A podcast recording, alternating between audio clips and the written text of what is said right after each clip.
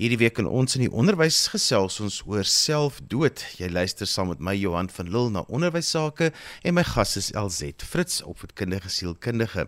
Soos ek al reeds gesê het, gesels ons vanmiddag oor selfdood. Nou Dinsdag aand die 17de Januarie in Geestesgesondheid het ons ook gesels oor selfdood, maar ons spesifiek gepraat met ouers van tieners en dan natuurlik oor tieners en jong mense se selfdood. Vandag gaan ons gesels oor onderwysers se benadering daartoe. My LZ ek wil hê jy moet so vinnig net 'n enkele twee gedagtes miskien gee oor waaroor het ons Dinsdag aand gepraat want ons wil vandag die gesprek nou juis verder vat deur met onderwysers hieroor te praat. Goeiemiddag Johan en die luisteraars. Ons het um, spesifiek gefokus op daai opsigtelike tekens, maar ook die sagte tekens wat ons nie noodwendig altyd um, gaan waarneem en identifiseer by ons kinders um, wat moontlik swaar trek.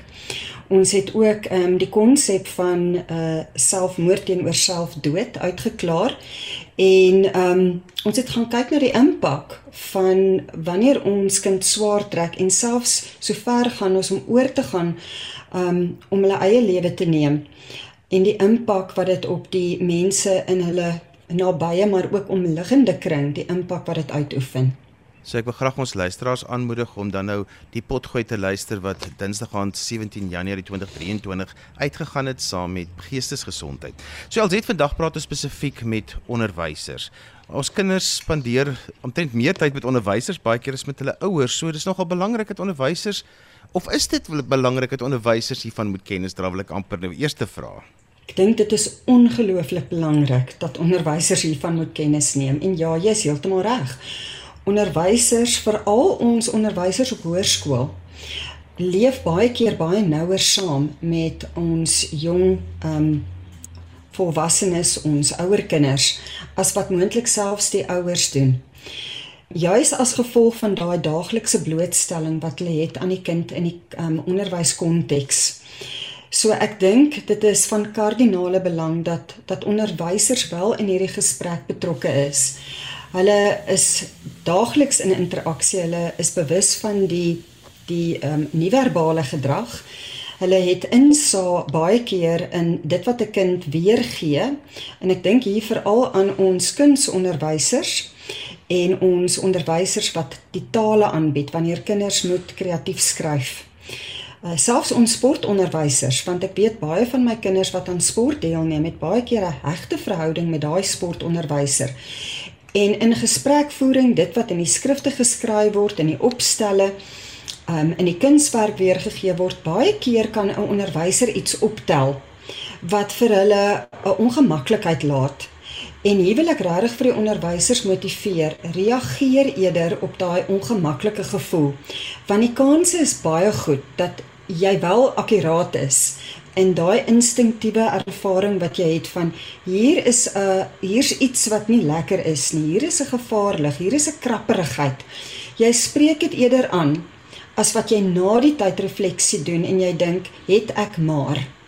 Voorkoming weet ons is beter as genesing. So ek dink dit is wel baie belangrik dat die onderwysers attent is op daai tekens wat hulle daar kan identifiseer. LZ, jy doen gereeld opleiding by skole. So, kom ons begin en sê wat behels so 'n opleiding? Wat is die aspekte wat jy in so 'n opleiding sal aanspreek? Ek sal eerstens um, vir die onderwysers 'n uh, uiteensetting gee weer eens net soos met die ouers wat behels selfdood eintlik. Want baie keer sal onderwysers na my toe kom en hulle sê vir my sê ek is ongelooflik bekommerd oor hierdie kind. Hierdie kind het 'n um, gedrag wat selfbeskadiging behels. Ehm um, ek is bang hierdie kind neem hulle eie lewe. So aan die een kant weet ons dit is baie keer 'n 'n teken van ek het hulp nodig. So dis die een komponent is jou kind wat baie opsigtelik tekens toon en ons moet dit onderskei van jou kind wat ehm um, so erg depressief is dat hulle totaal en al hoop verloor het. Jou kind wat tot selfbesering oorgaan, daar's baie verskillende redes daarvoor en ek wil nie nou in te veel teorie daarin gaan nie. Maar as jy gaan kyk na die sentrale senuweestelsel, so ek lei onderwysers 'n bietjie op in hoe hoe kyk jy na die sentrale senuweestelsel in terme van is hierdie kind oorgeaktiveer? Is daar 'n groot energie? Dit kan 'n angsenergie wees, dit kan 'n 'n aggressiewe energie wees, dis 'n impulsiewe energie. Dit is 'n kind wat jy makliker kan identifiseer. Teenoor jou kind wat as jy na die sentrale senuweestelsel kyk en hulle is al verby daardie rooi sone tot in die mate dat disassosiasie plaasgevind het. En disassosiasie tree plaas wanneer alles vir my sentrale senuweestelsel, vir my liggaam, vir my sintuie te veel raak. Dis 'n too muchness. Ek kan dit nie meer hanteer nie. Dan wat baie keer kan gebeur is daai disassosiasie skop in. En ons weet in die natuur is dit eintlik om 'n dier voor te berei vir 'n pynlose dood. Wat dit in mense behels is, my siege maak 'n energie skuwing en ek gaan oor in hierdie 'n floute respons sonder dat ek letterlik flou val. Maar dis daai sielsaligheid van ek gee nie meer om nie. Niks kan my meer affekteer nie. Jy praat met my, maar ek tuur iewers in die verte in. Ek hoor jou nie. En baie keer sal onderwysers en selfs hoofde vir my sê dit maak hulle hysteries. Hulle praat met hierdie kind, maar die kind is net nie teenwoordig nie. Hulle skree later, hulle dreig, maar die kind is net nie daar nie. So dit is dis 'n baie groot rooi lig daai. So ek sal vir um onderwysers 'n bietjie inligting gee oor die trauma respons en die sentrale senuweestelsel. Daar's baie navorsing daaroor, so ek sal ook vir hulle um aanduiders gee van na watter navorsers hulle bietjie kan gaan kyk. En hoe jy attent is op daai grouwe tekens, maar ook op die sagte tekens. En wat is jou kind wat aandag soek? En baie keer sal mense vir my sê, "Ag, hierdie kind soek net aandag."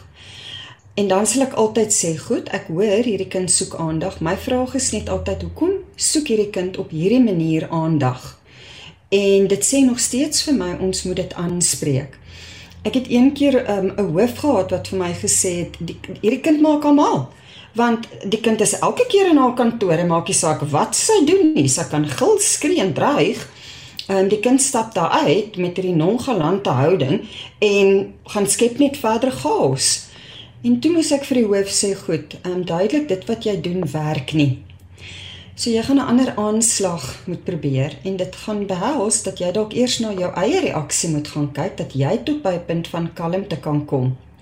Sodat jy regtig kan agterkom maar wat lê agter hierdie kind se gedrag. En ek kan nie beklemtoon op hierdie stadium elke volwassene wat ek weet trek swaar. Die golwe is groot op hierdie stadium.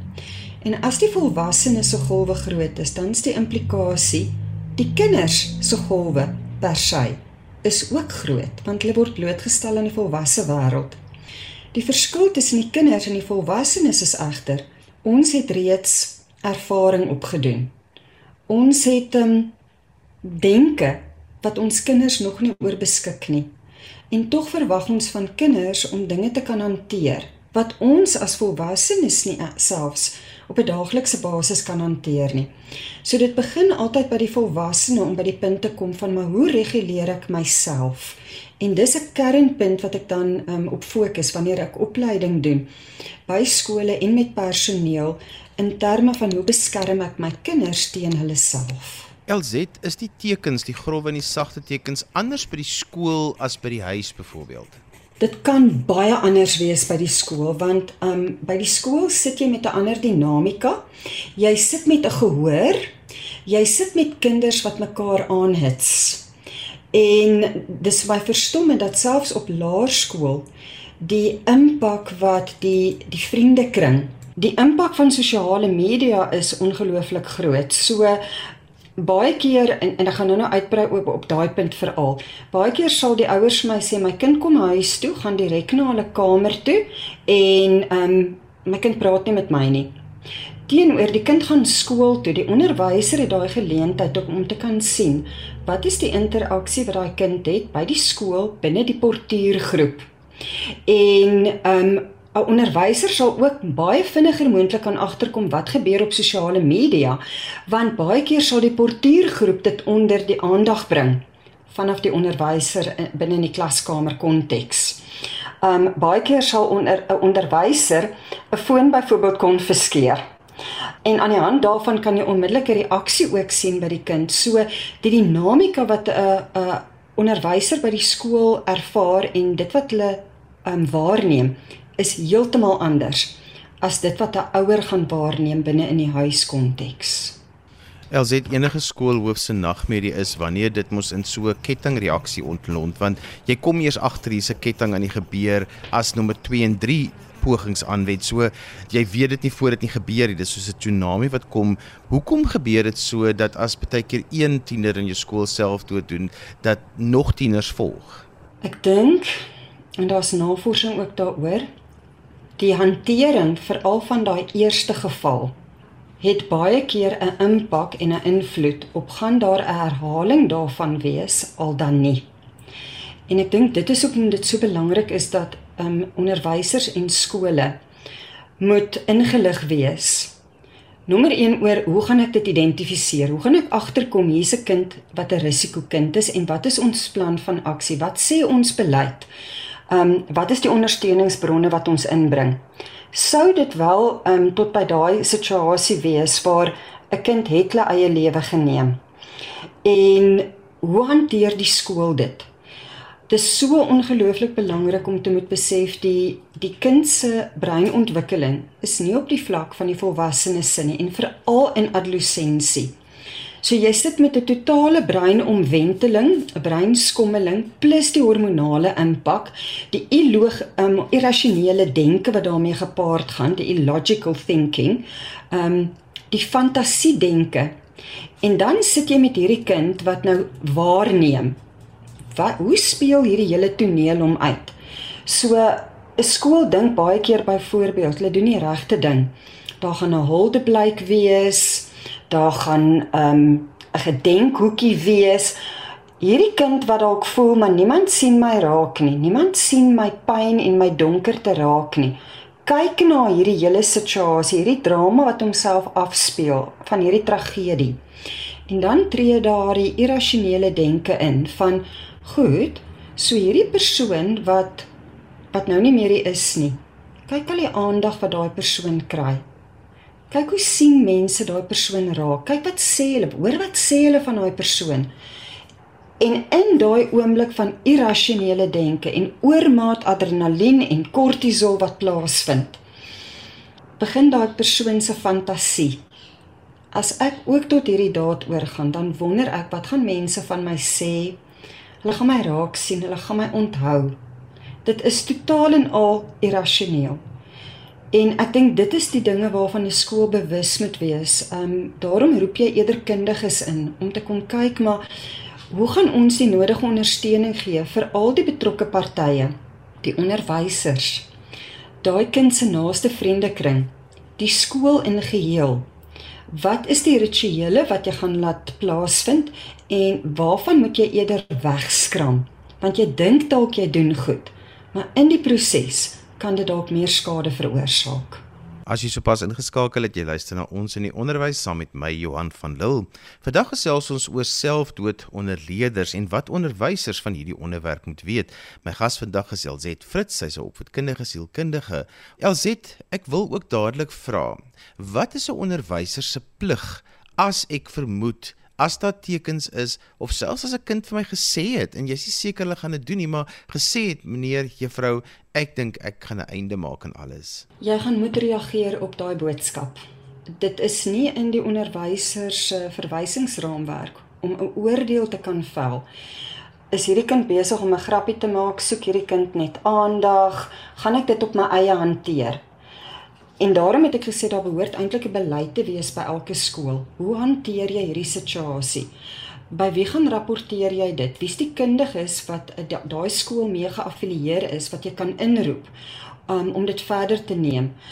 Um jy gaan ouers moet betrek. Ek sê altyd jy weet as 'n mens in 'n diep donker um gat is en daar's 'n moontlikheid dat jy nog verder in daai gat kan inval, dan het jy lewensketTINGS nodig om jou te help. Jy het, jy jy het iets nodig om jou vas te hou. En hoe meer wankelrig jy is, meer lewensketTINGS het jy nodig. Um ek dink dit dit moet elke onderwyser, elke persoon se nagmerrie wees om te moet dink Ek het dalk van iets geweet. Ek het iets opgetel in 'n opstel. 'n Kind het iets gesê en ek was bewus daarvan, maar ek het nie daarop gereageer nie. en nou's dit te laat. Daai gevoel van skuld is een wat jy saam met jou dra vir die res van jou lewe. Of dit nou geregverdig is of nie, dit maak nie saak nie. Die punt is jy kan nou niks daarmee doen nie. So 'n onderwyser moet dit onder die aandag bring volgens my onder die skoolhoof se aandag en die betrokke volwassenes in daai kind se lewe moet ingeroep word. En hier is wat dit baie moeilik maak. Jy sit baie keer met 'n huis waar daar baie konflik is of waar die ouers self ongelooflik swaar trek. En die mense wat hierdie kind eintlik moet beskerm, is juis die mense wat hierdie kind dalk onveilig laat voel of wat hierdie kind net laat voel ek kan nie meer nie. En dan is dit moeilik want wie moet hierdie onderwyser vir wie moet hy nou vertel? ons het aan die een kant het jy dalk die vrees, maar vertel ek vir hierdie ouer, gaan hierdie kind dalk in groter moeilikheid beland. En tog weet ek en ek glo meeste ouers wil regtig die beste vir hulle kinders hê.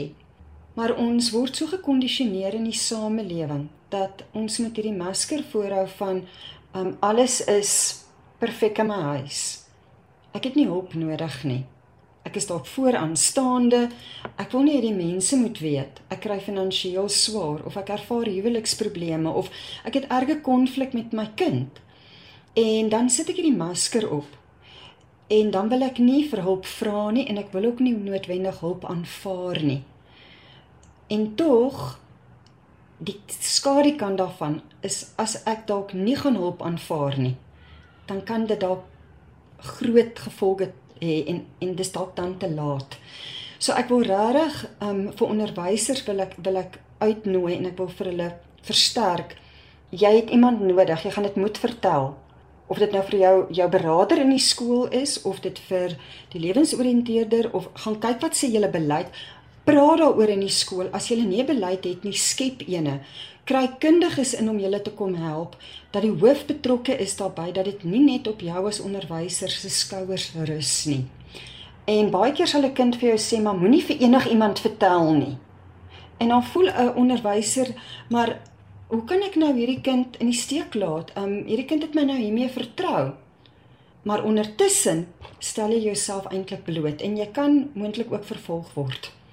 So um kry addisionele hulp praat met iemand en kry dan betrokke ehm um, deskundiges om eerder 'n skool te kom bystaan vroegtydig voordat jy by so 'n situasie is waar jy dink maar ons skool moes eintlik kry eerder vroegtydig iemand in om julle te kom help en te adviseer tekens wat jy kan identifiseer beleide wat jy kan opstel ondersteuningsnetwerke LZ as dan 'n so geval is en 'n onderwyser en ek is die hoof kom meld dit by my aan ek laat die ouers inkom.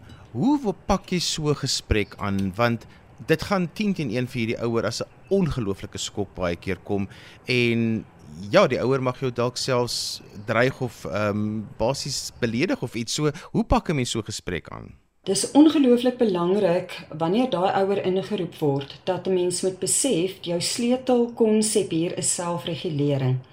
Dis daai gevoel van kalmte wat jy binne in die ruimte inbring en dit doen jy nie met woorde nie.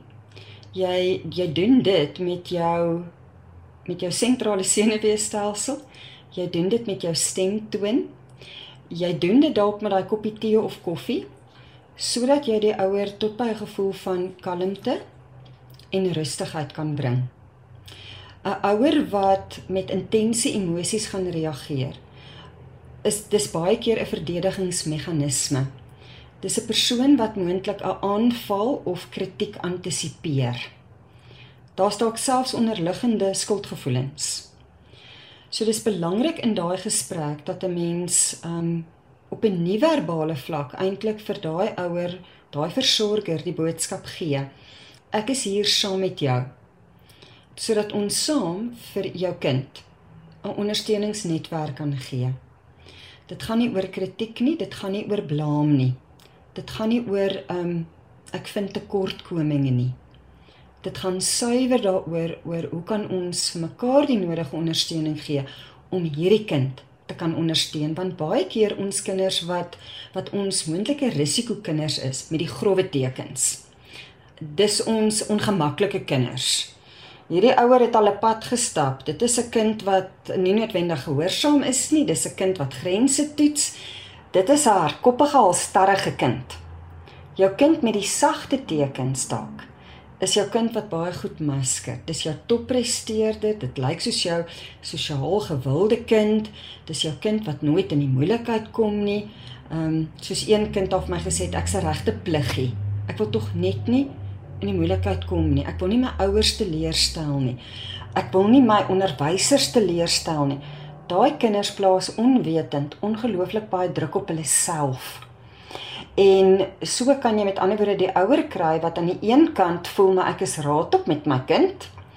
Ehm um, het my kind alweer aangejaag en hierdie kind soek net aandag. Of dis 'n ouer wat so onkant gevang is want my kind is 'n toppresteerder. Hoe kan jy dink my kind is 'n risiko um, om 'n eie lewe te neem? LZ, wat is die belangrike punte wat in daai gesprek aangespreek moet word? Natuurlik gee mense die feite koud en klinies warm, maar direk deur, maar wat is die aspekte wat belangrik is wat die uitkoms van daai gesprek moet wees en moet ek dit opvolg met 'n e-pos? Wat moet ek doen? Wat is nodig van my kant af om te sê ek het gedoen wat ek moes doen? So wanneer ons bekommerd is dat dat hierdie kind is in 'n gevaarsone, dan beteken dit ook die ouers het 'n ondersteuningsbron nodig, net soos daai kind professionele ondersteuning nodig het. So dis belangrik dat die hoof of die persoon wat met daai ouers praat of daai versorgers moet 'n uh, professionele mense na wie hulle kan verwys. Daar is ook organisasies wat deesdae ondersteuningsterapeutiese ondersteuningsdienste beskikbaar stel aan skole sodat jy vir die ouer kan sê maar hier's jou plan van aksie. Dit is die roete wat jy kan stap. Daar is beraders, daar is sielkundiges. Soms weet ek ouers sal vir my sê maar ek het regtig nie, ek het nie die geld nie of my kind sal nooit na 'n sielkundige toe gaan nie. Dan sê ek, "Goed, hoe is julle verhouding met julle dokter? Kan ons dalk daar begin?" Soms weet ons jy moet net iewers op 'n punt begin. Miskien moet ons dalk net begin om te gaan kyk maar waar lê jou kind wat wat is dit wat hulle hulle trigger? Is dit 'n angstigheid? Is dit eintlik 'n 'n trauma respons van daar was dood in die familie? Is dit eintlik 'n egskeidingsprobleem of onmin in die huis tussen die volwassenes? As jy kan agterkom waar is die moontlike knelpunt, dan is dit dalk makliker om te kan identifiseer maar na wie moet ek verwys? En 'n ander baie belangrike vraag is wie by wie is my kind veilig? By wie voel my kind veilig? Um waar voel my kind veilig? Ek weet soms gaan ouers deur ongelooflike moeilike tye. Daar is onmin in die huis, dis nie volwassenes. Daar's baie konflik in die huis. Vir so 'n kind is dit soms um makliker om net vir 'n paar dae by iemand in die familie of 'n vriend te gaan bly waar daar kalmte is sodat die ouers dalk net die geleentheid het, die versorgers het die geleentheid om net eers aandag te skenk aan hulle self. Ek het soms ouers wat vir my sê, ek kan nie meer nie. Ek oorweeg om my lewe te neem. Ek is erg depressief of angstig. Dan weet ek goed, ons moet vir daai persoon hulp gee. So jy moet so gou as wat jy kan agterkom miskien. Wat is die knelpunt? Wie is die mense wat kan help? Ehm um, wie laat jou kind veilig voel? Wie laat jou veilig voel? Wat's jou ondersteuningsnetwerk? En jy vra oor opvolg. Ek dink dit is wel belangrik om op te volg. Jy kry sommige mense wat wat regtig in in ontwyking is. Hulle kan nie glo of hulle is net al so moedeloos. Hulle is self al in daardie trauma respons van ehm um, ek gee eintlik nie meer om nie. En daarom is dit belangrik dat mens wel opvolg. LZ baie keer as 'n mens by skole kom en mense sê mense wil bietjie met die kinders hieroor gesels, dan sê mense moenie gedagtes in hulle kop plant nie. Ja, ek het nogal toevallig daai selfde boodskap in hierdie week gehad toe ek 'n praatjie gelewer het by 'n skool. En my antwoord was: jy kan nie hierdie gedagte plant in hierdie kind se kop nie. Jy kan dit nie in iemand se kop plant nie. Hulle kan wel identifiseer met dit wat jy sê. So as jy die ruimte kan oopmaak, dan het jy 'n groter kans dat jy kan agterkom uit iemand se deelname of gesprekvoering. Ek kan identifiseer hiermee. Baie keer vir 'n um, individu wat in daai situasie is van alles is donker en grys. Dis vir eintlik wonderlik om te kan hoor dis nie net ek nie. Ander voel ook so. en om dan um moontlike vrae te kan vra of kommentaar te kan lewer wat vir jou kan sê hier is dalk iemand wat hulp nodig het. LZ, ek weet jy doen opleiding by skole, so as skole met jou wil kontak maak, hoe kan hulle by jou uitkom as hulle dalk opleiding wil hê oor hoe om selfdood onder leerders te hanteer? Hulle kan my kontak op my e-pos e l z e t t e f r i t z syfertjie 1 @gmail.com. En so gesels op voedkundige sielkundige LZ Fritz. Ons het gesels oor selfdood onder leerders, hoe onderwysers, skole en hoofde dit kan hanteer. Onthou jy kan weer na vandag se program luister as 'n pot gooi. Laat dit af by resgep.co.za. Skryf gerus my e-pos by Johan van Lille@gmail.com. Dan groet ek dan vir vandag tot volgende week van my Johan van Lille. Totsiens.